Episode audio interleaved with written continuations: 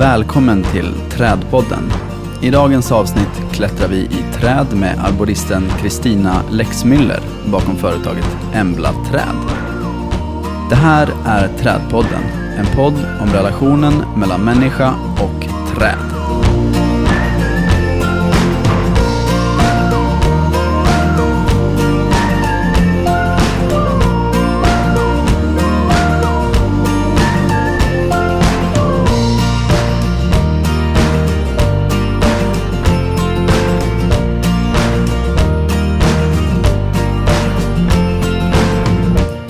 Tjena Anton, Hallå, hallå. poddags igen. Yes. Yes.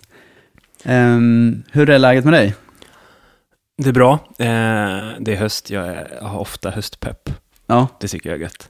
det, Ta fram den lite tjockare jackan och slänga bort tofflorna och ta på sig kängorna direkt. ingen sån höstångest över Nej. att träden och tappar bladen? Nej, det är ju nu den sena leveransen. Alltså det, jag kan se höstfärg lite som eh, att man får skörda. Mm. Eh, Du skördar i ditt trädgårdsland och liksom får tillbaka för allt slit. Och eh, höstfärgen är också någon form av eh, bonus, tycker Mm. jag. Mm. Och sen, jag gillar ju också träd, att se trädstrukturen, Mm. tycker jag är väldigt, väldigt roligt. Jo, det är klart. Så det är kul att gå och kika på dem igen. Liksom. Jag får lite så, alltså jag gillar också hösten, men jag får lite ångest över att vintern kommer. Det, Ja, men det är för att den skånska vintern är kass. ja, precis. Ja, men det är ju liksom nästan sex månader Mm. där, där, där det är mer eller mindre inga blad på träden. Nej. Alltid 10 sekundmeter, alltid blött. Ja, Och och sen så bor jag ganska lantligt, så att Mm. jag har en väldigt brun åker utanför som aldrig är täckt av snö. Så det, är liksom, det går en, från mörkbrunt till grå gradient. Liksom. Ja, ja. Mm. Ja, det är tufft. Det är bättre att bo längre upp i landet då. Ja. Hur är läget med dig, Gustav? Jag är lite sur. Jaha, jag tyckte det var något när du Ja. kom hit. Lite veckad panna. Ja, nej, men ehm, vi pratade tidigare om EUs nya lista på invasiva svartlistade arter, Mm. där gudaträdet hamnade. Mm. Och nu har jag fått reda på hur eh, Naturvårdsverket och Länsstyrelsen ställer sig till det här. Mhm. Eh, och de har ju läst lagen och tolkar den helt glasklart att eh, gudaträden ska utrotas i Sverige. Mhm. Okej. Ja, det, ja. Jag kan vi har ju också läst lagen. Ja, det är ju tydligt. Det står ju, de ska Och om man vill- finnas. Om man vill den vägen vandra Mm. så finns det belägg för det där, ja. Ja, men som Malmöbo så är, jag har precis fått reda på att det finns 170 gudaträd i Malmö. Mm. Varav senast så la vi upp en bild på ett, ett väldigt stort exemplar, som kanske är uppåt mot 100 år, som står utanför Moriskan. Just det. Känns ju väldigt sorgligt när de sätter sågen i så stora fina gamla träd av, av den enkla anledningen att de riskerar att sprida sig. Ja, och någonstans känns det ju som att det har stått där i hundra år. Visst, det Mm. dyker väl upp lite skott i, Mm. i vissa rabatter runt om där, men alltså... Att ett hundraårigt träd på den Mm. platsen, det, det det skänker den platsen Mm. i form av ekosystemtjänster tycker jag att Naturvårdsverket borde lägga i andra vågskålen. Ja, men det, ja. Eh, man kan inte lägga så mycket på Naturvårdsverket egentligen. De har en lag och de, har, Mm. de, de följer den, Mm. anser de. Så att, eh. Ehm, men ja, problemet är nu, nu får ju de som är väldigt rädda för exotiska arter och, och vill att vi, det finns många i Mm. landet som vill att vi bara ska ha inhemskt material Mm. här. Eh, de får lite vatten på sin kvarn här tror jag. Mm. Ehm, så det är dags att vi som vill ha en, en artdiversitet i städerna Mm. eh, står upp lite här. Mm.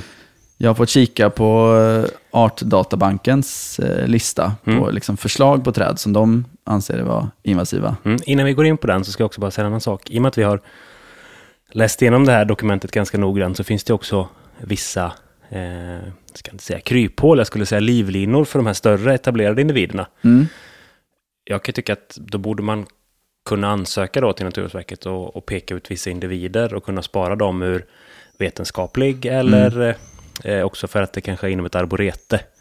Att man ska få bevara någon individ. Mm. Ja, Eh. precis. Man kan väl, alltså, om, man, om man påvisar att, man har, att det är någon slags forskning inblandad i det så Mm. kan man få behålla dem. Mm. Det är kanske är en räddning för några, men Ja. inte alla 170. Nej, men alltså för privatpersoner att ha en, ett gudaträd hemma är ungefär lika olagligt som att ha en, en krokodil i badkaret. Mm. Alltså eller, det, du får inte det. Liksom. eller odla cannabis. Nej. det är mer olagligt. Det är värre. Mm. Ja, jag bara kollar, jag har inget bra koll. Men ehm, i alla fall, så jag får kolla lite på den här Artdatabankens lista på, på förslag på träd. Eh, invasiva träd enligt dem då. ja. Ehm, och där utgår man ju från den ganska fyrkantiga synen att det som, är, som inte har observerats innan år 1800, det är inte inhemskt 1800 jämt, inte 1800-talet, utan Nej. 1800 jämt. 1800, 1800. Ja. Då, där sätter man gränsen. Ja. Varför? Det får någon annan svara på. Mm. Men det, är- det är intressant, tycker Mm, jag. Ja, men det, är- det är verkligen intressant. Ehm, och den här listan då Mm. på eh, arter, så jag, jag kan läsa de, de översta, eh, de som är liksom rödmarkerade som, som de absolut läskigaste träden enligt dem. Ehm, Listan är graderad alltså. Ja, eh, från eh, låg risk till potentiell hög risk till hög risk till mycket hög risk. Okej. Ehm, Så vi har då något som kallar, alla kallar dem för etablerad främmande art, Mm. den här listan. Och de som då står som mycket hög risk, eh, överst, eh, där har vi Acer pseudoplatanus, tysklön, Jaha. Esculus hippocastanum, hästkastanj, Ja, håller i och för sig på att utrota sig själv, men i och för sig. eh, Laburnum alpinum, Laburnum anagyrides och Laburnum exvatereri. Alltså de olika gullregnen som funkar här. Mm. Och, de, och de blir ju lite dubbelt utsatta eh, med tanke på att många hävdar att i alla fall Vatereri vossen är, eh, har giftiga frökapslar. Mm. Eh, därom strider ju också vetenskapen, ska jag säga. Men det är en annan sak. Men den är ju lite dubbel då. Jag åt en sån liten böna en gång, hände ingenting. Eller? Nej, det är sant. Ja. Um, Okej, jag fortsätter. Pinus contorta, contortatall. Pinus mugo, subspecies mugo. Alltså den, den vanliga bergtallen. ja, det är ju helt tokigt. Jag har inte sett den spridas in i skogen, men Nej. den är, det står att den är etablerad främmande art. Eh, och slutligen av de här översta då så har vi Syringa vulgaris, alltså vanlig bondsyren. Ja, den är ju... Det blir till och med jag lite upprörd av det här. Alltså, jag blir lite upprörd generellt, Ja. men alltså, det bondsyren eller vanlig syren tillför som, vad kan man kalla det, rekreativa buskskikt längre norrut i Sverige. Mm. Den är ju superviktig. Ja, och här, det här är alltså listan med bara träd och den är ganska lång. Det, är- det är, ja, vi är uppe i en 60 arter ungefär. Eh, sen finns det en lista ungefär lika lång på buskar också. Där till exempel snöbär och häggmispel finns med och så vidare. Så bor man längre norrut så det, finns det väldigt lite Mm. material att använda egentligen. Ja. Ehm, hur som helst, ja, alltså med syrenen där. Alltså, jag tror till och med de mest konservativa politikerna hade blivit upprörda om, om det togs ett beslut att vi, man får inte ha en syrenbärså längre. Liksom. Nej. Det är väl ändå det svenskaste vi har nästan. Det blir alltså nästa steg då att gå in och, och censurera litteratur och kultur. ah, ah, ah, eh, nej, barnen i Bullerbyn där, och fikar de i en syrenbärså? Nej, det var, ingen, det var en säljbärså. Så, aldrig funnits i Sverige. Eh, Nu har vi utrotat den. nej, jag vet inte, men ehm, det, jag, jag tror att det är, det är bra om vi som, som ändå är för en hög artdiversitet i, i, liksom, i den odlade trädgården, i Mm. parken, eh, att vi mobiliserar oss på något sätt. Ja, och börja snacka om det här och också talar om lite vad, vad det faktiskt innebär. Och det är just det också att det, det blir ju en typ av växtcentralisering av hela EU. Mm. Det är Jo, där jo som precis. Det, Eh, Alltså, för man tar inget som helst, alltså EU tar ingen hänsyn till zonkartan. nej. Utan är det något som blir svartlistat på EU-nivå så är det över hela EU. Mm. Även om ett liksom, gudaträd aldrig skulle sprida sig uppe i, ja, säg Gävle då. nej. Ehm, så, så är den ändå förbjuden. Ja. Ehm, ja, det är otroligt. Ja, det går att diskutera hur länge som helst Mm, egentligen. Men, ehm, men det var i alla fall en, en uppmaning. För att alltså, de biologerna som, som är för det här förslaget och, och får vatten på sin kvarn nu, de är ganska högljudda. Mm. Och jag tycker det är dags att vi också blir det. Ja. Ja, Så jag tog chansen här och slängde in en känga i Trädpodden i alla fall. Mm. Ehm, Ja, helt rätt. Titta, Tittar vi lite längre ner på listan så har vi ju inom fältet eh, risk, eller vad man säger, lite mindre risk. mm, Så finns ju också arter som eh, Quercus rubra. mm. ehm, Populus alba, Ja. alltså vanlig silverpoppel. Pisia glauca. Ja. Och det, det är också intressant, Allianthus altissima ligger ju alltså inte inom den rödmarkerade här. Nej, den är på orange. Ja. Det är hög risk, inte mycket hög risk. Nej. Mm. Men då har... Men så här då, varför fokuserar man där vill jag veta? Varför går man inte på jättebalsamin? Varför går man inte på parkslide och utrotar dem först? För de ställer till med så mycket Mm, ja, det mer anser problem. Väl, ers- anser väl de att de håller på och, och försöker. Ja. Men mobiliseringen bör ju ske där, för det är betydligt värre växter, skulle jag säga, än vad Allianthus altissima är. Mm. Verkligen. Mm. Om ändå inte Ja, men det, vedartade. det är som det vi pratade om i exotavsnittet också, att det finns ju en villfarelse att, liksom, att exotiskt material, att det på något sätt bär med sig sjukdomar. Mm. Men är det en växt som är etablerad i Sverige så har den- alltså, den har inte fört med sig några sjukdomar i sitt DNA. Som sen poppar upp. Nej, alltså anledningen till att vi får in sjukdomar det är att vi, eh, kanske framför allt egentligen via emballage, Mm. alltså sten och sånt vi köper som, som är emballerat, eh, har träemballage från Kina. Det är där de här otäcka insekterna kommer in. Det är Ja. där vi behöver mer kontroll. Exakt. Och det, och det är ju över hela spektrat då. Det Mm. går ju även ner på Garden Center skulle jag säga. Ja, sen ska jag även säga att till, till exempel kastanjeblödarsjukan har vi troligen importerat med växtmaterial. Mhm. Ehm, Ja, jo, det, Men- det händer ju absolut. Mm, mm, Men att gå ut så här brett och sen då kanske inte mobilisera där det behövs som mest. För det skulle jag verkligen säga är parkslide jättebalsamin. mm, Eh, Sett till dem, hur de skadar naturlig fauna. Jag är svårt att, visst, ett Allianthus altissima sprider sig, självklart det gör den. mm. Men det som, eh, som jättebalsamin eh, gör med vattendrag och det som parkslide gör med eh, rasbranter, Mm. eh, tycker jag är långt mycket värre. Ja. Ehm, men på den här listan även så finns det Robinia pseudoacacia. Ja, just det, den har vi Och nämnt. ja, och där har jag lite slarvigt sagt att den sprider sig inte ut i skogen. Nej, det var när du omfamnade alla exoter i det avsnittet. Mm. var på bra humör då, Ja. nu är jag på dåligt humör. Ja. Men eh, vi har faktiskt fått in en rättelse från Arne här, eh, som vi påpekat, den, den sprider sig ju visst. Eh, och det har mycket rätt i och efter jag sa det så har jag ju tänkt på att jag har sett den på flera ställen. Arne har observerat den på E22 mot Karlskrona, eh, vid vägkanten längs motorvägen ungefär vid Bromölla. Mm. Eh, där har Trafikverket gjort försök att röja en bit av sträckan, men den slår upp ganska snabbt igen, hälsar Arne. Ja. Eh, jag har även sett den på E22 Mm. vid, Lund södra och Gastolyckan. Mm. Så dyker den upp där också. Mm. I, Ja. Mm. ja, det är också intressant. Robinian är något vi skulle verkligen kunna använda lite mer i Mm. hårdgjort. jo, jo, och jag, men jag ser ju inte det här att någonting sprider sig som att det är jätteallvarligt. Nej. Nej. Alltså asken dyker också upp på de här ställena. Mm. Nej. Säljen. Mm. Alltså det är de här liksom, pionjära arterna och, och, och de mer, eh, vad ska man säga, opportunisterna. Mm. Eh, så det, det- är ett skötselproblem, men jag tror fortfarande inte att det rubbar eh, vår liksom, ja, biotoper. Nej. Och tittar man det på alltså, hur robinian sen växer, det är ju inte en, en krona som går upp och, och släcker ut Nej. ljus och inte släpper igenom något annat. Den skulle ju funka ganska bra i, i våra växtsystem. Mm. Faktiskt. Men hur som helst, det var i alla fall en rättelse. Ja.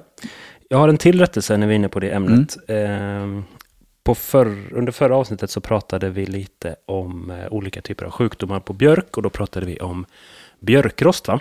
Mm, precis. Eh, och då ville vi ha ett svar där, det har vi inte fått ska jag säga. Nej, Hur, hur det funkar med att den...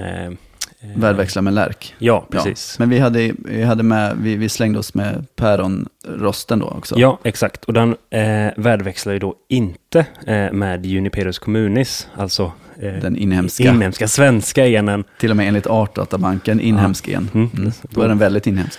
Det är bra. Eh, utan den värdväxlar med den kinesiska genen, Mm. Juniperus chinensis, Yes.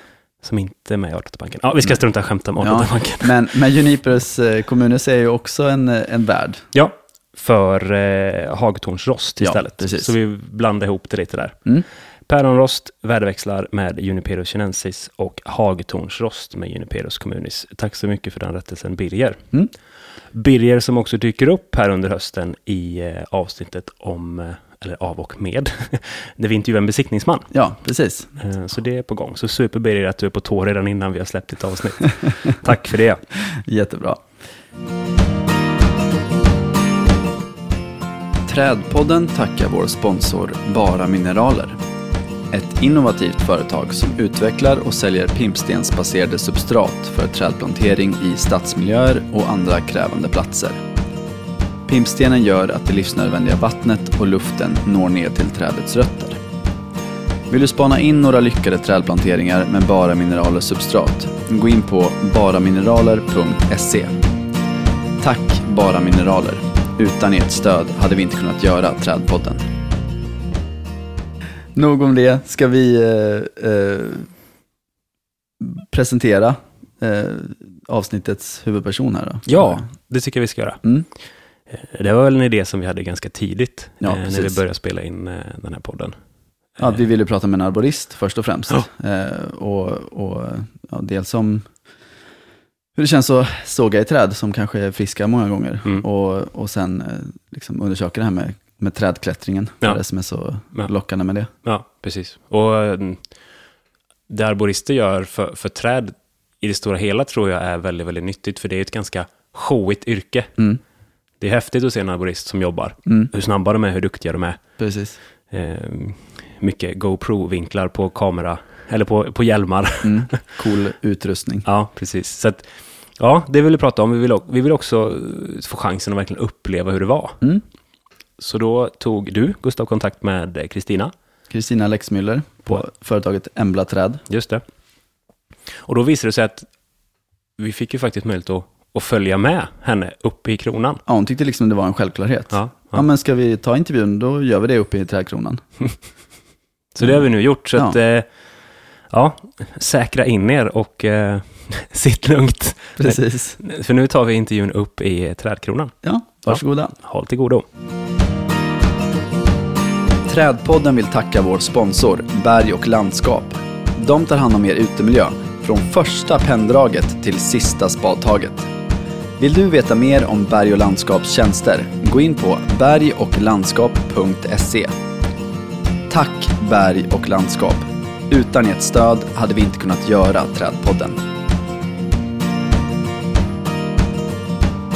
Hej Kristina! Hej. Nu är vi ute i Fulltofta naturcentrum. Mm. Är det, är det din hemma, hemmanatur det här? Ja, det kan man säga. Det är här jag har eh, de flesta av mina klättringar. För att, eh, dels för att jag får vara här. Mm.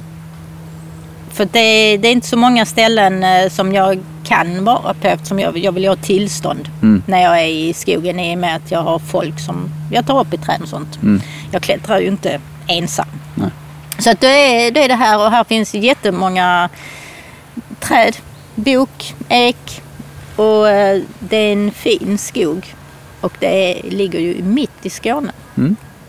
Precis utanför Hörby. Ja. Och eh, nu har du riggat här Mm, i ett träd som du och jag och Anton ska klättra upp i tillsammans. precis. Vad, vad är det för träd vi... Det är en bok Ja. som eh, har stått här jättelänge. Men det är nog första gången någon klättrar i det. Mm. Så Härligt. ni är först upp i det här trädet. Ja, vad roligt. Ehm, har du något favoritklätterträd här just? Eller kan man tröttna på samma träd? Ja, Ja, det är så. Det blir som en vandringsled eller som en... liksom ja lite- eh, lite, lite så. Eh, För när jag har mina klättringar så har jag ju vissa, i och med att det är lite svårt att hitta träd som är perfekta för klättring när, jag, när andra klättrar. Eftersom då vill, då vill jag inte ha dem så nära stammen som möjligt utan jag vill ha dem lite längre ut. För det blir ju så jobbigt att klättra mot stammen. Eh, Så då, då får jag ju liksom träd som jag använder just i det syftet. Och eh, det är ju en fördel, det går snabbt att rigga. Men jag kan ju tycka det är lite tråkigt. Eh, speciellt de gångerna när jag själv också klättrar som när jag har trädfika och sånt. Då, då kan jag tycka det. Så därför har vi ett nytt träd denna gången. Kul. För att jag har tröttnat på det andra. Det är Bara snabbt, för, det är ju så att alltså, det traditionella man tänker på en arborist det är någon med en, en såg på något sätt. Mm. Eh, som, som även klättrar i träd. Men, men du har liksom, du har hittat en ny nisch i, i, ja, som, som företagare egentligen. Mm. Att du har hittat en ny kundgrupp eller en ny produkt eller vad ska man säga, en tjänst. Ja. Eh, be- berätta om det bara lite kort. Jag kom i kontakt med träklättring eh, eh, genom en annan... Eh, jag, var på Malmö Garden Show och hjälpte till. En, och då var det en amerikansk instruktör som har som lär ut träklättring i USA och som har många resor till Amazonas och sånt där han tar med forskare och tv-team och allt sånt. Och då var han på Malmö Garden Show och så hjälpte vi honom. Och då hade han just den här typen av klättring fritidsklättring eller rekreationsklättring. Som är, om man översätter direkt från engelska. Eh, och det, det var jättemånga folk som stod där och ville prova på. Och jag och en eh, kompis då, vi stod och satte på dem selarna och sånt. Och då tänkte jag, men folk tycker ju detta är kul och liksom varför finns det inte det här för vanligt folk egentligen. För det finns ju SM och EM och VM i träklättring men det är ju bara arborister som tävlar i det. Ja, Det är, det är ju ingen annan som gör det. Sen om de är arborister längre eller inte, det, det spelar ju ingen roll. Men det är ju inga vanliga, vanliga människor inom citationstecken. Så då, då tänkte jag att nej men här ska jag nog prova. För, för dels så, så tycker jag ju om att klättra i träd. Eh, och jag har valt detta yrket nu för att jag trivs med det. Och jag inser ju att jag kan ju inte jobba med detta i all evighet. Men jag vill ju ändå fortsätta klättra i träd. Och antingen så går jag tillbaka till ett 8 till 5 jobb eller så får man prova någonting annat. Så då, då tänkte jag, nej men jag provar det här. Så då har jag köpt in utrustning som jag behöver och lärt mig hur man eh, liksom riggar just det klättersystemet och sånt. Så det har liksom byggts upp. för det, det är så att egentligen vem som helst ska kunna Ja, eh, komma och, och få prova på att klättra. ja. Ja. För du ställde ju frågan till oss när vi bokade det här tillfället. Är ni i fysisk god form? Ja. En kontrollfråga uppfattar vi det som. Ja. Vad, vad krävs för att klara av det här? Egentligen eh, ingenting, men eh, jag har jag upplever lite att kroppsformen kan vara ett litet problem. Ja. Så du har inte riggat någon vinsch här i något bakträd? Nej, nej liksom- faktiskt inte. Och, och det är ju så att många tror ju att jag ska hissa upp dem. Ja. Och det, det gör jag ju absolut inte. De, de får min själ klättra själv. Ja. Eh, och det är ju inte så som med klättervägg heller att jag står och säkrar här nere. Nej. Utan folk klättrar ju själv och de sitter fast hela tiden. Och det är ju det som är så fint med det. Många kanske tror att oh häftigt klättra i träd och sådär och så kommer de och så. Men eh, man klättrar ju inte i trädet. Nej, vi klättrar i linan. Men repet hänger i trädet. Ja. Det är många barn som säger det. Är det här trädklättring? Vi skulle, trodde vi skulle klättra i trädet.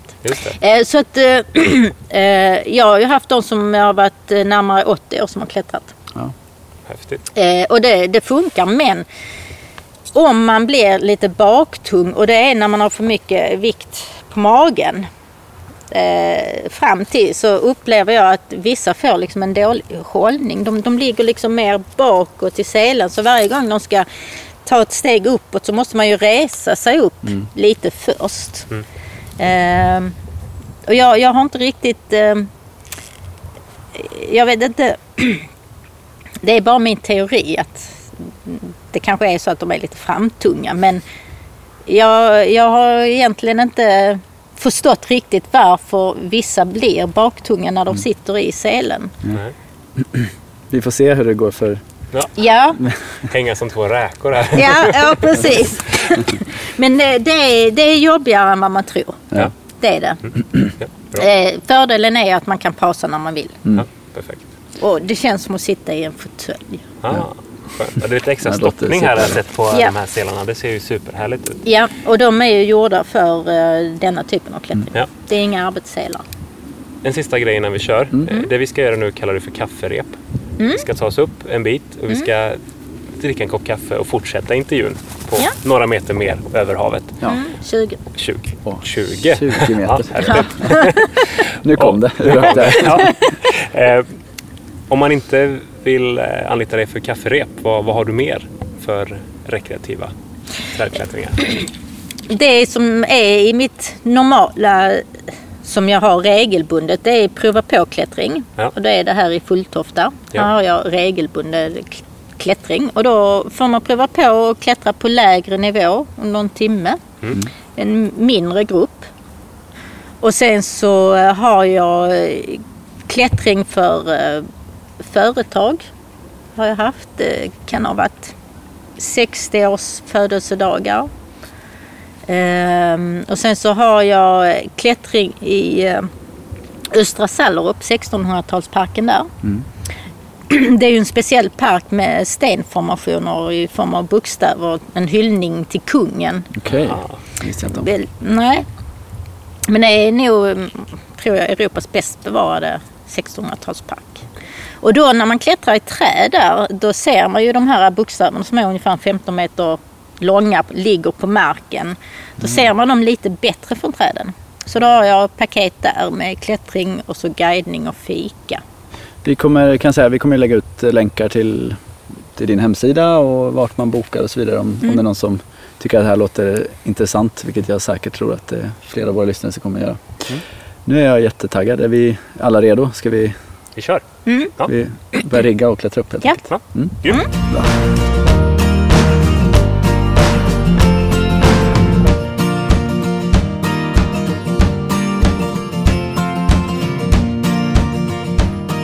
Repen är ju eh, vanliga rep som jag använder när jag jobbar som arborist också. Det är samma typ av rep. Ja. Bara det, de har inga öglor i ändarna. De har ingen eh, slitsad ögla. Som eh, det är på detta repet. Ja. Så det är vanliga rep. De är ungefär 11,7 millimeter tjocka. Ju tunnare rep, desto jobbigare blir det för händerna. Okej. Eftersom det- blir mindre och mindre att hålla. Just det. Och sen så är de ju lite flexibla också, Ja. lite semistatiska. Ungefär 11,7 millimeter Mm. tjocka. Ja. Ungefär Ja, 1,7. Jag uppskattar noggrannheten. Ja. så när ni börjar klättra så nu ser ni att ni, ni kommer till att klättra rätt så nära stammen. Ska vi, eller får man sätta fötterna mot stammen? Ja. liksom? Det får du jättegärna om du vill. Eh, och om du gör det så har du bara en fot i Okej. i så fall här. Eh, för när ni har spänt upp er så kan ni sitta ner och då kan ni ta på dem. Så smidigt. Just det. Eh, Sätter i fötterna i öglorna där helt Mm. och sen så är ju grejen att Nu hänger Kristina här under trädet. På, på 20 centimeters höjd. och sen så ställer ni er upp och då ställer ni er i öglorna precis som om vi ska som en trappa. Ja. Och sen så bromsen ni har här uppe den puttar ni bara uppåt. Nu står jag nästan nere på marken och det är ju för att det blir lite lättare när man kommit upp mer än 10 centimeter. Ja. Sen när ni hänger här så får man lyfta på benen för att dra upp den. För hänger ni så blir det ju jättejobbigt att dra upp. Mm. Och så håller ni ni kan hålla antingen under, det är lite jobbigare. Eller för balansens skull kan man hålla ovanför bromsen. Just det. Så så fort ni reser er, för att det ska vara så smidigt som möjligt, så försöker ni putta bromsen uppåt samtidigt som ni reser er. För så fort ni släpper den då så kommer den till stanna där. Ja. Så vi ska hela tiden tänka på det repet som den här knopbromsen, eller vad kallar man det? Knutbroms, knopbroms, Ja, sitter på. precis. Så du har två bromsar på Ja. samma rep. Ja.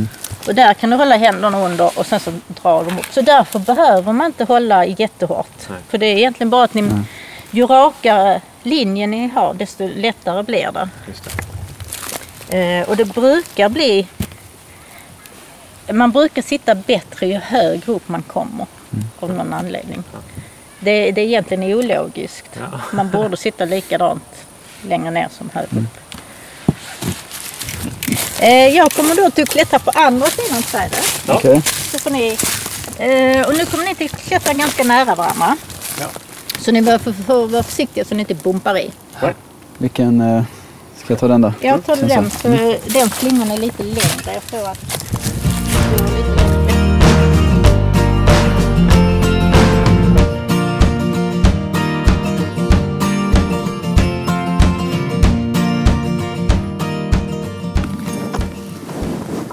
Alltså jag svettas som ett... Ja, redan jag också. ja, det är ju redan liksom en ny vy. Ja. Alltså, så jag tror kanske så här högt, max, har jag klättrat i träd. Liksom. Ja. Då börjar det bli läskigt utan sele och allt. Alltså, Jag spelar in nu ja. spelar in. Ja. Jag spelar in hela klättringen hit. Okej. Det kanske brötar lite. Ja, då. mycket skrammel. Ja. Det är autentiskt. Är det fikakorgen där vi ser? Det är egentligen en sitkudde. Ja, det är det. En tree frog.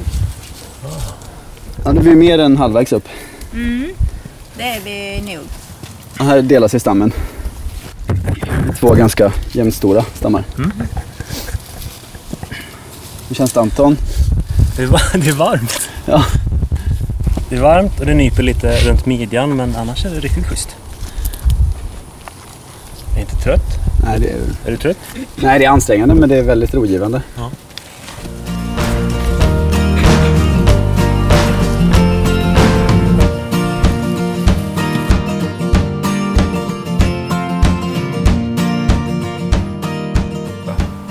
Och just björkar är ju ett... Jag vet inte, jag får känslan av att det är ett träd som man inte gillar. Ja.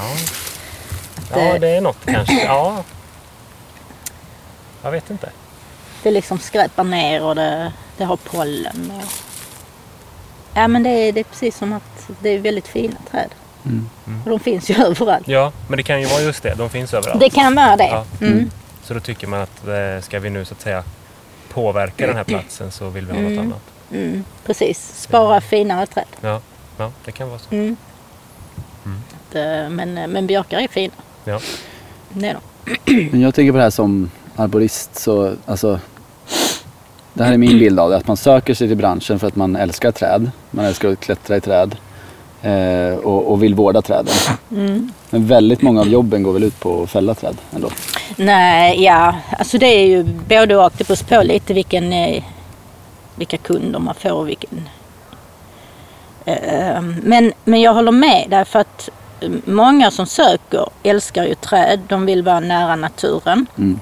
Och då, jag kan ju tänka mig att de mår nog inte så bra av att behöva fälla ett träd. Nej. Alltså det går lite stick i stäv där och vårda ett träd. För att som arborister tar vi ju hand om träden i stadsmiljö ju egentligen. Ja. Eller när trädet står nära ett hus. Och då är det ju ofta eh, beskärning utifrån människan. Mm.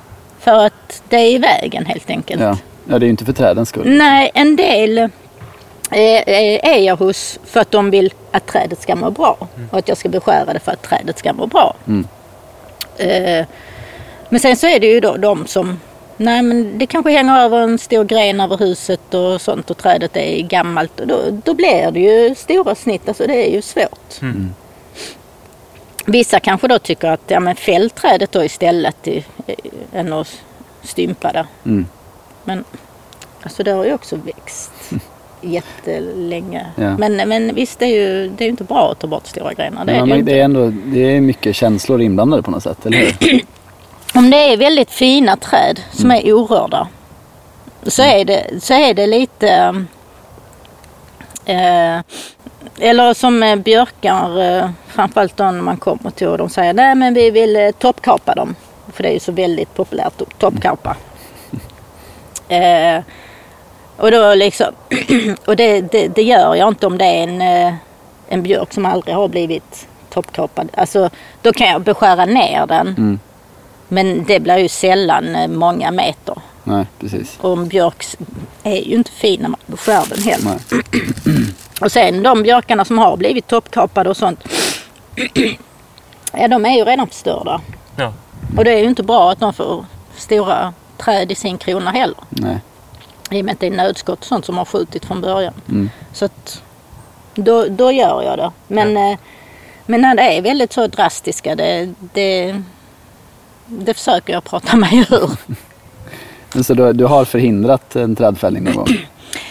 Nej, eller det vet jag ju inte. Nej, men jag menar att, att kunden, kunden har ringt till dig för att de vill ha bort ett träd Mm. och när du väl är på plats kan du, har du någon gång liksom lyckats eh, omtala dem eller omvända dem till att ja, men där kan de faktiskt vara Eh, kvar? det är svårt att säga för de har ju inte ringt tillbaka. Men jag var på ett ställe, eh, det var i Dalby någonstans. De hade en björk på tomten som de ville fälla. För att eh, de hade flyttat ner från Stockholm eller något sånt för att eh, och mannen var björkallergiker eller pollenallergiker. Och sen så fick de ju så mycket löv på tomten. Det är ju jättemörkligt när man flyttar till Dalby inne i skogen där det står träd. Men och då, då kom jag till det här trädet. Alltså det var en sån stor björk. Den var jättestor. Alltså stammen var alltså lika lång som jag är, alltså typ nästan 1,60. Alltså den var så stor. Jag bara tittade på den. Och, och så stod den en bit för någon man hade kunnat beskära den så att den inte gick över huset och sånt. Och då sa jag att den här tycker jag faktiskt inte att ni ska fälla. Den här är jätte, det är nog alltså Skånes största björk. För hade jag inte, hade jag inte vetat att det var en björk så hade jag trott att det kanske var en ek eller något Ja. sånt. För den var alltså så stor den var. Och så riktigt så grova stammar högre upp. Ja. Jättefin var den. Så 1,60 stamdiameter alltså typ? Ja, det är en, det är en rejäl... Ja, Ja. Ja. Och grannarna hade väl också sagt till dem att nej men den får ni inte fälla och sådär. Så hon var ju liksom så orolig att grannarna skulle sätta sig på tvären och Ja. sånt. Eh, Men eh, de återkommer aldrig så jag vet faktiskt inte om björken står kvar. Det är ju här uppföljning veckan efter. Nej. När det börjar skymma, rulla fram sakta med bilen Ja och kolla. precis, jag kanske skulle göra det. sak som slår mig nu är ju, nu är vi i en bokskog och där nere är det ju väldigt brunt. Det är ju här uppe som det är grönt faktiskt. Eh, och ja, det är nästan omtumlande grönt. Lite som att vara liksom i en regnskog på något sätt. Att, att det verkligen, allt är grönt. Ja. ja, man känner sig lite omsluten. Ja. Man, kan, man skulle kunna jämföra lite grann på ett sätt med, med fjällvandring. Du ska gå på leden, du ska följa kartan, du ska framåt. Här ska du följa repet och klättra upp. Och så gör man det. Det är kroppsligt monotont. Du blir lite svettig. Och när du väl är framme så är det ingen annan där. Det, det finns likheter. Och det är ju ingen risk att det är fullt heller i vindskyddet eller något sånt om man ska sova över. Nej, just det. Precis. Men det är även en sån vertikal vandring kan man ju säga att det är. Mm. Ja. Vi ställer alltid frågan om trädresemål. Alltså resa för att titta på träd. Den frågan kändes jätteaktuell för mig att ställa till dig på marken. Här uppe känns den inte aktuell. Men i alla fall, om du skulle resa någonstans och vill tipsa våra lyssnare. Kanske, för upp i, kanske genom att klättra upp i dem men bara liksom uppleva dem rent visuellt. Har du något tips? Eh, nej, inte egentligen eftersom jag har inte varit utomlands och tittat eh, på träd på detta sätt. Jag har varit utomlands väldigt mycket men det var innan jag blev arborist. Sen har jag liksom inte varit ute och rest. Så jag har inte tänkt på det. Det, det är alltid svårt att just tipsa folk kanske om att klättra i träd eftersom det är lite svårt om man inte har grejer med sig för många träd börjar ju inte med grenarna Nej. längre ner. Nej.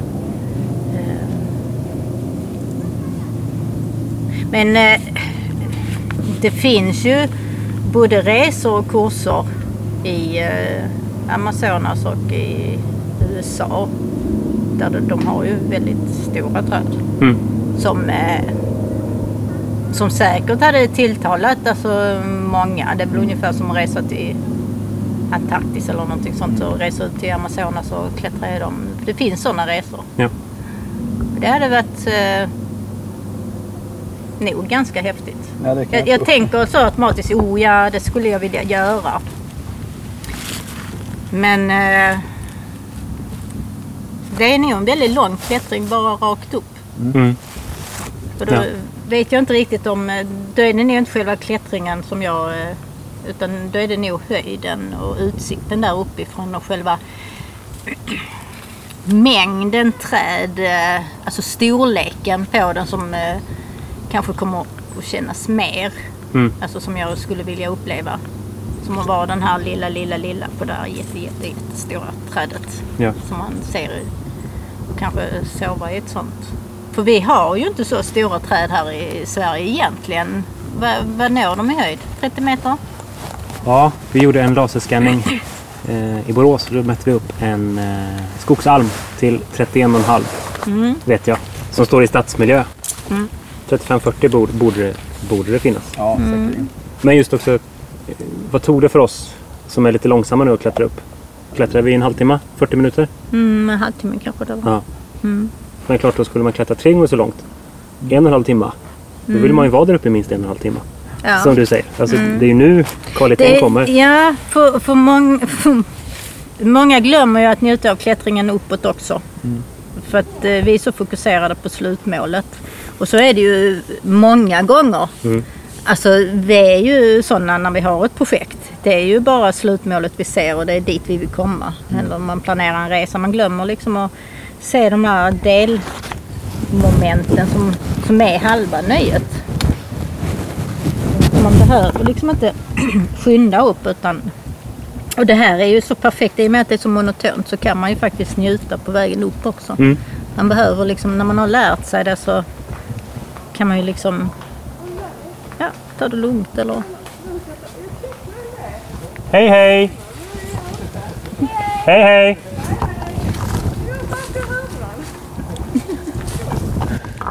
Det gick det en barnfamilj nere 22 meter under oss. Tyckte vi såg ut som jättestora ekorrar kanske. är det en vanlig reaktion? inte ekorrar men apor. Ja, okej. Jag menar mer att någon bara, det är någon där uppe. Nej, det är en, de brukar inte reagera. De eh, kan prata om repen där nere. Ja, just det. Jag undrar kanske liksom så varför det hänger någonting och sådär. Ja. Sen är det ju, det är alltid kul med folk som eh, speciellt, eh, får man vara fördomsfull? Det får man. speciellt män. Nu är det ju så att mina klättringar det är ju mest kvinnor faktiskt. Kvinnor i medelåldern. Eh, och barn. Och när då papporna är med så brukar de alltid stå och studera den där eh, knuten. Mm. Eh, och sådär. Och, och sen så hör jag ju när de pratar med barnen och sånt liksom, ja men det här kan vi sätta upp hemma och sådär. Och det är liksom att köpa ett rep och så. Så tänkte jag, ja nej, alltså jag är ju bara arborist och har jobbat med det här ett antal år så visst kan ni smälla upp det i ert träd. Alltså det var lite det där att, eh, lite så det var någon som tog kort på den och sånt och jag bara tänkte, ja, alltså gör du inte den på rätt sätt så jösses. Alltså, Ja, men, men liksom att folk har inte någon förståelse för det. Att, att de tänker inte på att detta är faktiskt någonting farligt vi gör. Att det är långt ner. Det är väldigt långt ner. Ja. Jag skulle inte vilja att trilla ner. Och att de, de verkar ta så lätt på det eller så tänker de inte på det. Jag, jag brukar vara förvånad över det. Att det liksom... Och de börjar instruera varandra just också hur de ska ta sig ner och sådär. Eh, För jag är alltid väldigt noga med att säga att ni måste säga till när ni går ner. För att jag måste ha kontroll på det. Så att de inte bara liksom, det händer någonting. Mm. Och det gör barnen det. Men inte vuxna. Du vet, kan själv. Ja. Så de, de är, det kan inte lita på dem. Jag tog mig upp, det var det svåra. Ner kommer jag alltid Ja, kanske. ja, så får de brännblåsor i händerna. ja, precis. Eller slår i någon gren eller någonting sånt. Men det, det gäller att ha lite koll för är det fler som klättrar så de som har klättrat Speciellt barn, de är ju så jättevilliga till att tala om för sina kompisar och de andra barnen hur de ska ta sig ner. Och då, då, då kan det ju vara jättefarligt. Ja, det För det, det kan gå väldigt snabbt. Mm. Fast det är nog roligare att klättra som vuxen. Som barn hade man ju bara tyckt att det var en annan häftig grej. Alltså, Mm. Just nu, det här är för mig det är väldigt speciellt. och Kanske nästan känslosamt. Och Jag jag tänker på vad det är jag gör. Mm. Och, och hur, långt ifrån det är vad jag normalt sett gör. Eh, även om jag nu jobbar med odlat träd så nej, det här är långt ifrån det. Alltså. Mm. Men det, det är ju en eh, annan värld. Ja. Ja, det är det. Det är som att man får se någonting nytt. Alltså, det är ju ett nytt perspektiv, inte bara bildligt utan faktiskt rent fysiskt ett nytt perspektiv på saker och ting. Eh, Jo men det är det. På något sätt så blir livet så eh, okomplicerat om man tycker folk orkar bry sig. Liksom. Det, det, liksom, mm, det, det blir så naturligt att komma upp och man tycker att äh, vad spelar det för roll? Mm. Alltså det är ju en världslig sak. Alltså. Men Sen så eh, finns det ju, alltså det finns ju studier, artiklar och sånt som eh, visar starkt på att träd är ju väldigt rogivande skog och parkmiljö och sånt. Att det är ju bra för hälsan och det gör nog en hel del med folk som för det, för det märker eh, med folk som klättrar då längre så som vi har gjort. Som liksom tar en paus. Att de, de liksom blir eh, lugnare. De, de liksom får något rofyllt eh, över sig och liksom man ser på dem att åh, gud vad detta är skönt. Och det är det jag är ute efter. Jag är inte ute efter den som söker spänning och ska klättra högst och, och sådär. Och, utan den som verkligen kan njuta av det.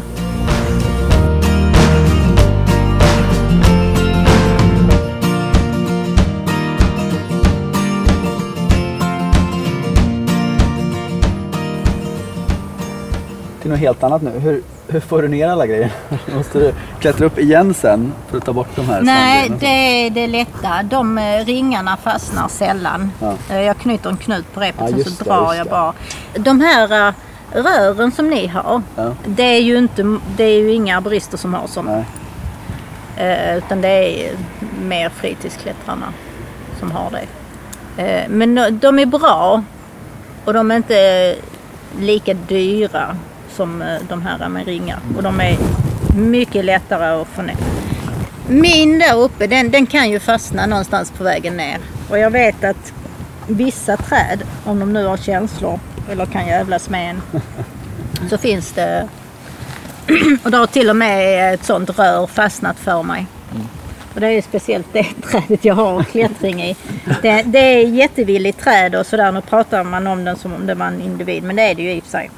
Men eh, allting går bra tills jag ska ta ner grejerna. Då... Glömde säga tack för idag. Då ska han retas lite. Ja, precis. Ja. Eller så vill han inte att jag ska lämna honom. Nej, Nej, just det. Men det är ju så att vissa träd är ju mer besvärliga än andra. Jag har en teori om att träd går lite i, eh, i clinch med mänskligheten för att de faktiskt överlever människan. Det tror jag många kan känna lite, tycker jag är lite jobbigt. Om man tänker efter, om man ska bli lite så filosofisk. Mm. så, eh, eller det är ju faktiskt så verkligheten ser ut att om människan dör, eller om bina eller insekterna dör ut så skulle vi dö ut. Ja. Dör träden ut så skulle vi dö ut. Men om vi dör, ja, då blomstrar allt. Ja. ja. Så att vi är ju inte den högsta individen på jorden. Allting är ju inte till för oss. Nej, nej. Att, Men den tanken tror jag för få människor idag ställer sig. ja, Faktiskt. Ja. Men det är, det är bra att tänka så ibland. Ja. Och den att vi... Jag har själv en eh, stor, stor ask Mm. Jämte mitt hus. Eh, och jag tänker att jag får vara en del av dens liv och hjälpa den under den tiden jag är där. Mm. Men sen ska den ju leva vidare. Det är inte min ask. Nej. Den står på en tomt som jag råkar sköta om och äga. Mm. Men individen i sig äger jag ju inte. Nej. Och asken och en stor flerstammig lind och två skogslönnar gjorde att vi köpte huset. Men jag tror det spelar jättestor roll. Mm. Alltså, eh, att de, de, måste finnas. För jag vet inte, alltså, man, man kan ju inte föreställa sig att träd inte skulle finnas. Nej. Nej, det går inte. Alltså att då, det- då blir det ju en öken alltihop. Liksom. Ja, ja precis. Att det, Det är som så himla mycket, ja, i princip allt utom, utom de allra minsta organismerna i havet är ju beroende av att det finns träd Ja. på ett Mm. eller annat sätt. Mm. Därför kan man fråga sig varför folk tycker att den här podden är så nischad. Att den håller Jag på fattar med inte det. det viktigaste på jorden. ja, precis. Ja. Jag får höra det ganska mycket. Folk bara, oj, vadå, det, det handlar bara om träd? Ja. Bara om träd? Och det är ju inte så det att inte, träd är inte det väldigt smalt liksom? Ja. Förlåt, vad sa du? Jag tänkte att eh, först när jag hörde Trädpodden så tänkte jag ju, jaha, beskärningar och sånt. Men sen så blev det genast mer intressant att det var liksom samspelet mellan människan och träden. Mm. Att det, det hör man ju inte så ofta. Alltså allt det andra finns ju. Nej, vi pratar väldigt lite om trädgård. Och det är Ja. med flit. Alltså, Ja. det, det ska inte... Det är inte en Nej. trädgårdspodd. Det handlar inte om träden i din trädgård. Det handlar Nej. om alla träden. Nej, men- det är träden som står i fokus. För precis som du sa innan när vi kom upp här. Här, här sitter vi på trädens bekostnad. Vi kan inte, det är inte anpassat efter människan. Nej. Och just det. Vi ser ju tyvärr allting utifrån människans skala, tycke, smak, behov. Men vänder man på det där, helt plötsligt blir vi väldigt, väldigt små. Mm. Går det bra Gustav? Jag satt i en ganska ansträngd position där jag Ja. satt och vände. Vi har pratat om grannboken här som alltid retas med dig när du klättrar upp i den. Men finns det något, något trädminne, kanske då som barn, som du har? Finns det någon individ eller någon plats eller något bestånd eller någon händelse kopplat till träd som kanske har fått dig att Eh, komma in på den här banan sen? Eh, nej, jag tänkte på det. Men eh, jag har inget sånt eh, minne.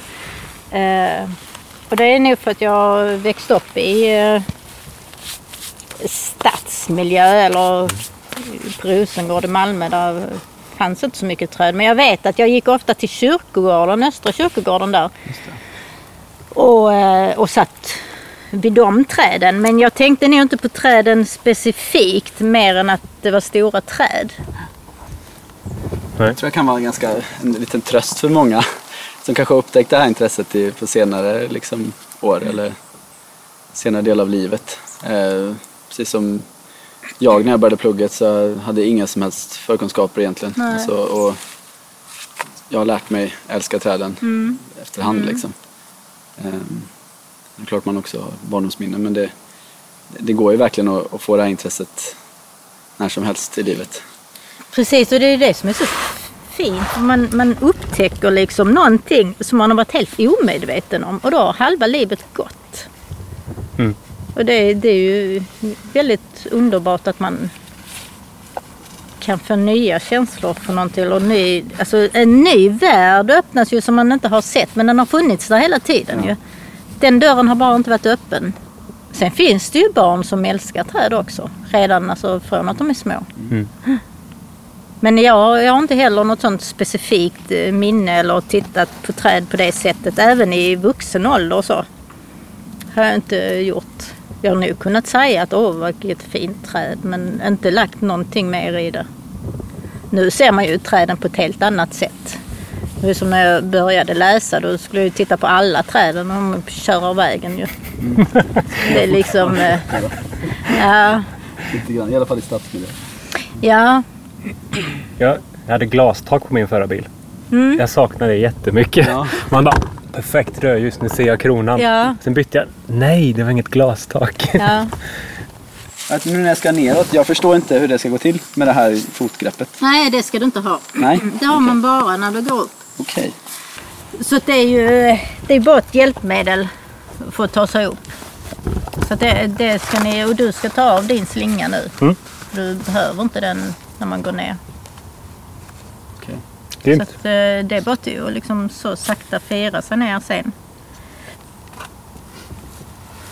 När man känner sig redo. Ta en bild där, väldigt bra ljus. Men ni skulle ju lära er att klättra i träd. Ja, vi får nog tänka till på det här nu.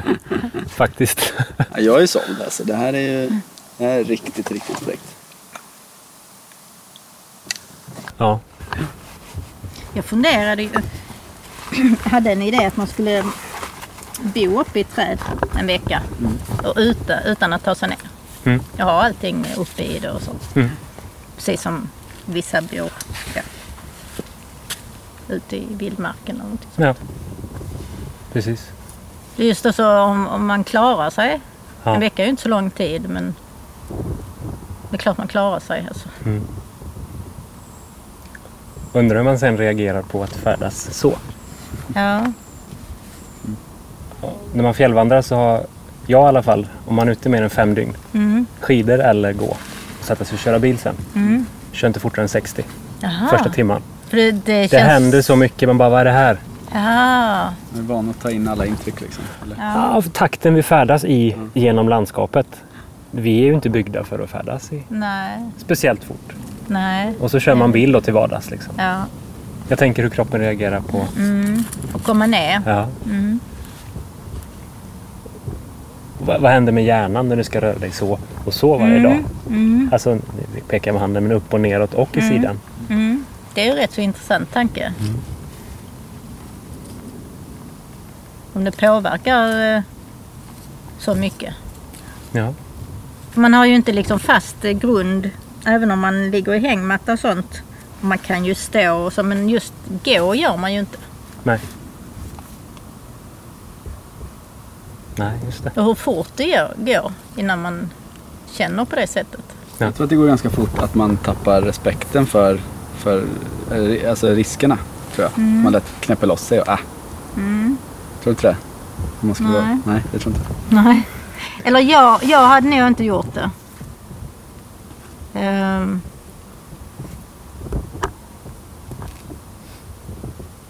Inte ens i hängmattan. Mm. Så, ehm. Men det är nog av ren rädsla att uh, kunna trilla ner. För så, så säkert känner jag mig inte så att jag hade kunnat tycka det var skönt. Nej. Men det finns det ju säkert de som gör. Jag vet inte. Ja. Absolut. Det finns en Det är skönt att höra att du inte har någon dödsönskan. Liksom, att det är det det här. Nej, ja, men det är inte din det är profession- inget sätt jag vill dö på. Dum, dum, dum, dum, dum, dum. Så dödsstöten när man slår i marken sen. Det kan vara din professionalitet som lyser igenom också kanske. Vi är, ju- vi är ju helt nyfrälsta här Gustav. Ja, Ja, precis. ja i och Du, för sig. du sitter tre meter ifrån mig. Man känner att man kan ta tre grenar och så hoppa över hit. Men tittar man ner så är det något annat. Mm. Det är sinnessjukt högt. Alltså. Ja. Det finns en dokumentär om eh, två klättrare som klättrar El Capitan i Yosemite. Mm. Eh, The Dawn Wall heter den. Och de bor ju i ett sånt väggtält, eller Ja. vad man ska kalla det. Mm. Under hela perioden. Jag vet inte, det är mer än en vecka tror jag. Mm. Som de klättrar liksom varje pitch. Mm. Det hade jag aldrig gjort, klättrat på berg heller. Nej. Jag, jag har inget förtroende för de där sprickorna. Vad man nu sätter sina sådana grejer i. Nej. Det här är mer rejält. Här kan jag se att grenen är så tjock. Men att liksom klättra på bergsvägg, det hade jag inte litat på alls. Nej.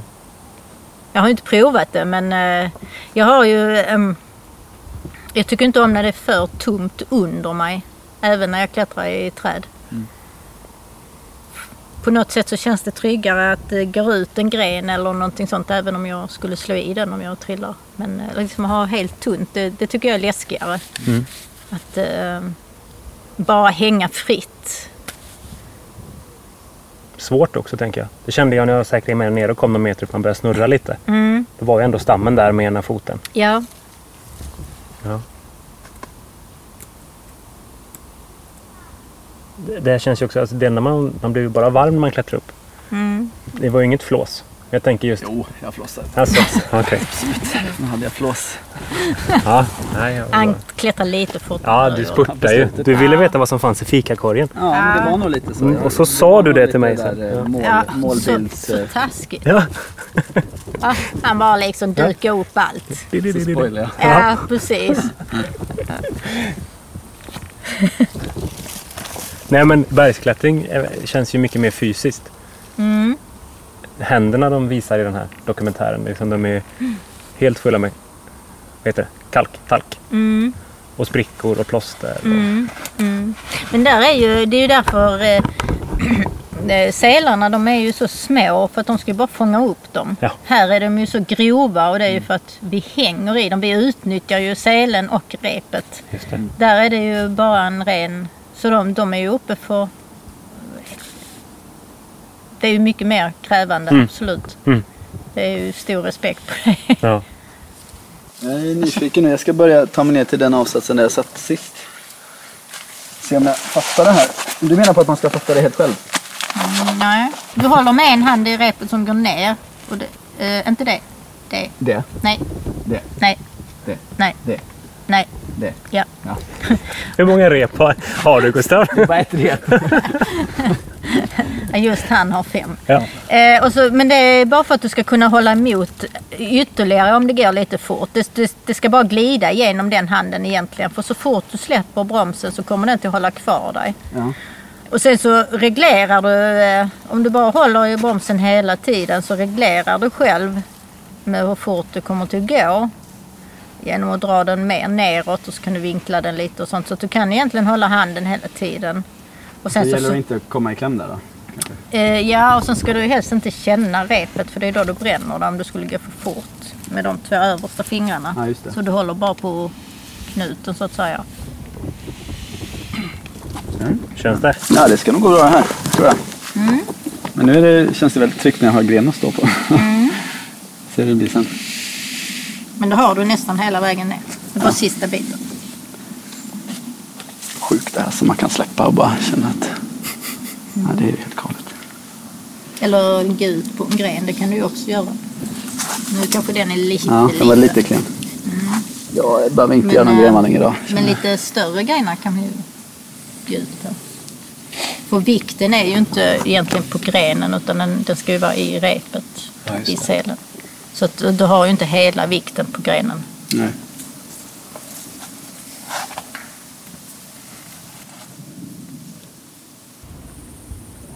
Men eh, när man känner sig bekväm och röra, röra sig lite mer i trädet då kan man ju hitta jättemånga ställen att ligga på och sitta bekvämt på. Och, Ja. Min svans kotas av Kände jag nu. Tack för kaffet. Ja, herregud. Ja. och där är fortfarande vatten kvar där Ja. om ni vill ha. ja. Och så firar vi oss ner och så ses vi på backen. Mm.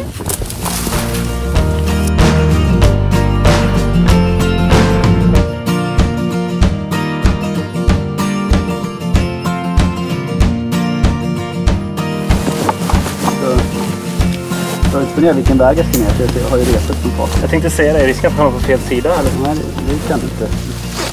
Ja, du märker det snabbt. Ja, eller vadå? Ja. jag vet ju att jag hänger i repet men det var ändå otäckt. Så radden med att koppla loss sig och sådär bara. Ja, just det. Ja, precis. Har du ändrat dig? Ja, Ja, just det. Nu hänger korgen liksom under dig där så du får plocka med den ner. Mm, jag brukar styra ner den men det hänger nu i de repen. Ja. Så det är inte bra då. Man kan ju styra ner dem. Jag hade kunnat ta mitt eget där.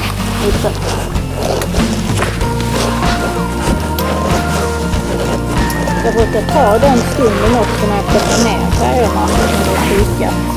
Sitta själv där uppe. ja det är klokt. Ja. Då går ju tiden väldigt fort.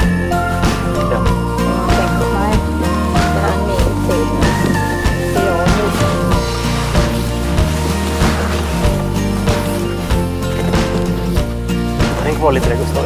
Ofantligt bra bild. Och så tittar vi på... Det var så himla... Där.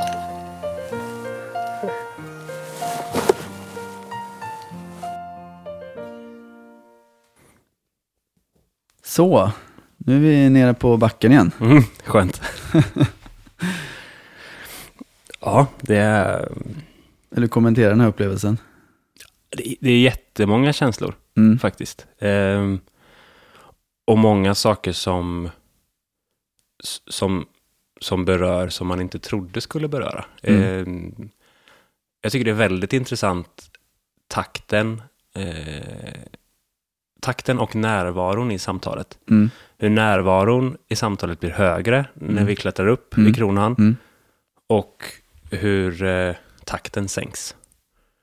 Ehm, det tycker jag är väldigt häftigt. Ja, det var så tydligt liksom ner på backen. Då var vi lite, alla var väl lite så spända och, Mm. och, och liksom, ehm, mm, ja, vi pratade i, och var exalterade och liksom eh, höll igång. Och sen när vi, liksom, när vi, kom, när vi väl kom upp eh, till det här fantastiska fikabordet, vi kommenterade det ganska lite där, men det, det var liksom, det var bullar och kaffe och kakor och nötter och vatten, all, Mm. allting som var färdig uppdukat där uppe. Ja.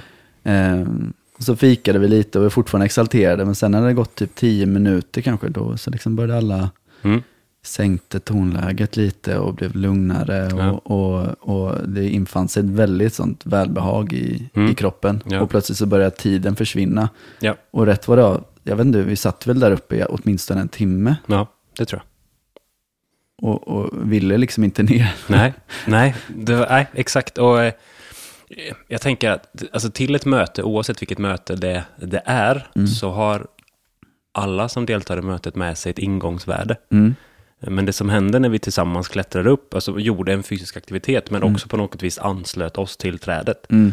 så ramlade de där ingångsvärdena av, oavsett Mm. om, de var plus eller minus. Ja. Eh, och, och vi blev något exalterade av upplevelsen, men också det att man fick samma, det kan låta jätteflummigt där, men vi fick samma energi in i det samtalet som vi sen hade i Trädkronan. Mm.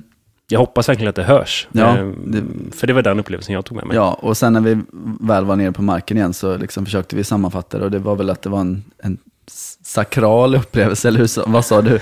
Jag, s- jag tror jag pratade om väldigt mycket om, om ödmjukhet och, Ja. och ja. Ja, men jag nämnde nog någon form av, eh, jag kanske var lite ta i, men alltså, jo men eh, rumsligheten eh, i kronan, eh, också att man gjorde någon form av prestation för att ta sig dit. Mm. Och, och vi var där som tre individer, helt avväpnade, eh, på trädets villkor. Mm, precis. Mm, Gjorde, mm, ja, väldigt stor påverkan på mig. Du nämnde någonting annat om eufori. På vägen upp vet jag Ja, du sa det. precis. Men det, ja, sen var det mer ödmjukhet och tacksamhet. Ja. Så, ja. Riktigt, riktigt häftigt. Och det här vill vi ju tipsa alla lyssnare om. Ska jag Ja. säga. Alla skulle må bra av att prova på och, och klättra i träd. Ja. Och ett riktigt högt träd. Det är, liksom, det är skillnad att Mm. vara 22 meter upp. Det, Mm. det händer grejer där uppe som man inte har sett förut. Som Nej. inte, Och just, just det, alltså rumsligheten som var när man klättrar eh, längs med en trädstam i det som vi ofta beskriver som pelarsal. Mm. Eh, rumsligheten är stor, den är vid, den är, den är ljudet eh, är också lite mer lite mer reverb. ja, Eh, rumsligheten känns stor. Det tycker jag också man upplever när man lyssnar på det. Mm. Eh, och sen när vi kommer upp i kronan så blir det tight. Man kom nära varandra. Du kommenterar grönskan. Det Mm. var ju verkligen slående. ja, men det, ner på marken i en bokskog så är det ganska brunt. Ja. Men just där uppe var det ju helt, alltså då var ju allt grönt. Ja. Och det var grönt runt omkring. Och, det, Mm. och också det, vi pratar lite om det, alltså hur man rör sig. Eh, på backen så rör vi oss i tangentens riktning väldigt Mm. ofta. Ja, Mm. lite, visst, det kan vara kuperat, men här blir rörelsemönstren helt annorlunda. Mm. Ja, verkligen. Det är oerhört intressant. Precis, vi uppmanar verkligen alla att eh, har ni lite tid över så testa det här. Ja, och vill man prova så är det ganska enkelt. Mm. Gå in på eh, Emblaträds hemsida, vi kan länka till den på, Mm. i vårt linktree. Men eh, hur som helst, ja, tips. Tips, gör det här. Ge bort det här till någon som, eh, som gillar träd eller Först, första dejten. ja, kanske inte första. För, frieri i en trädkrona. Ja, det hade, oj, oj, oj. Ja. Mm. Nu snackar vi här. Mm. Ja, tack, tack så mycket Kristina. Ja, tack Mm. Kristina. Ja. Det var en sann upplevelse. Trädpodden vill tacka vår sponsor Mareld Landskapsarkitekter. Nordens främsta landskapsarkitektkontor och förstahandsval för kunder med högsta ambition vad gäller gestaltad livsmiljö. Är du nyfiken på Marelds många olika tjänster och projekt? Gå in på mareldlandskap.se. Tack Mareld Landskapsarkitekter. Utan ert stöd hade vi inte kunnat göra den här podden. Vi är framme vid eh, dagens eh, Ja, vi kallar punkten för boktips. Mm. Eh, det är din tur, Gustav. Idag får det bli ett tv-tips. Ja, snyggt. Det är säkert redan många som har sett det här. Men eh, Ja, för er som har missat det så vill jag ändå säga det. Vetenskapens värld hade ju ganska nyligen, eh, söndag 1 september släppte de ett avsnitt eh, som heter Frisk av naturen. Eh, Som du har lyckats se, jag, det var du som tipsade mig. jag skickade en länk, det här borde du se. Ja, Och så gjorde du som jag sa, men jag gjorde inte som jag sa. Så jag har inte sett det. nej, jag har sett, du borde se det Anton. ja, tack. Ehm, nej, det var egentligen, eh, alltså för min del, inte jättemycket nytt, men en väldigt bra sammanfattning. Mm. Ehm, det som var nytt egentligen var ju de här japanska forskarna som faktiskt liksom kan påvisa att, att eh, trädens, eh, ska man säga, doftämnen, alltså om, Mhm. om man tar i ett träd så känner det sig attackerat, då kommer det börja utsöndra doftämnen. Om man står där eh, en stund och andas in dem så har det faktiskt eh, påverkan rent fysiskt på oss. Men hur Otroligt som helst, eh, jättebra, spännande avsnitt. Ja. Eh, det här ligger ute till 28 februari 2020. Så lyssnar du på det här avsnittet efter det så tyvärr, jag vet inte om man kan hitta det någon annanstans då, men eh, På SVT Play. ja, nu ligger det på SVT Play. Ja. Eh, och vi lägger ut det i vårt Linktree också, som ni hittar på vår Instagram. En timma långt. Mm, Ja. precis. Kul. Gött. Det var allt vi hade att bjuda på för idag. Precis. Vi, eh, vi tackar så mycket, alla Ja. lyssnare. Ja, ut och njut av hösten. Ja, verkligen. Eh, höstfärgerna. Höga luften. Ja, Ja. exakt. Sparka löv. Gött. Tills nästa gång. Ha det så himla bra. Hej då!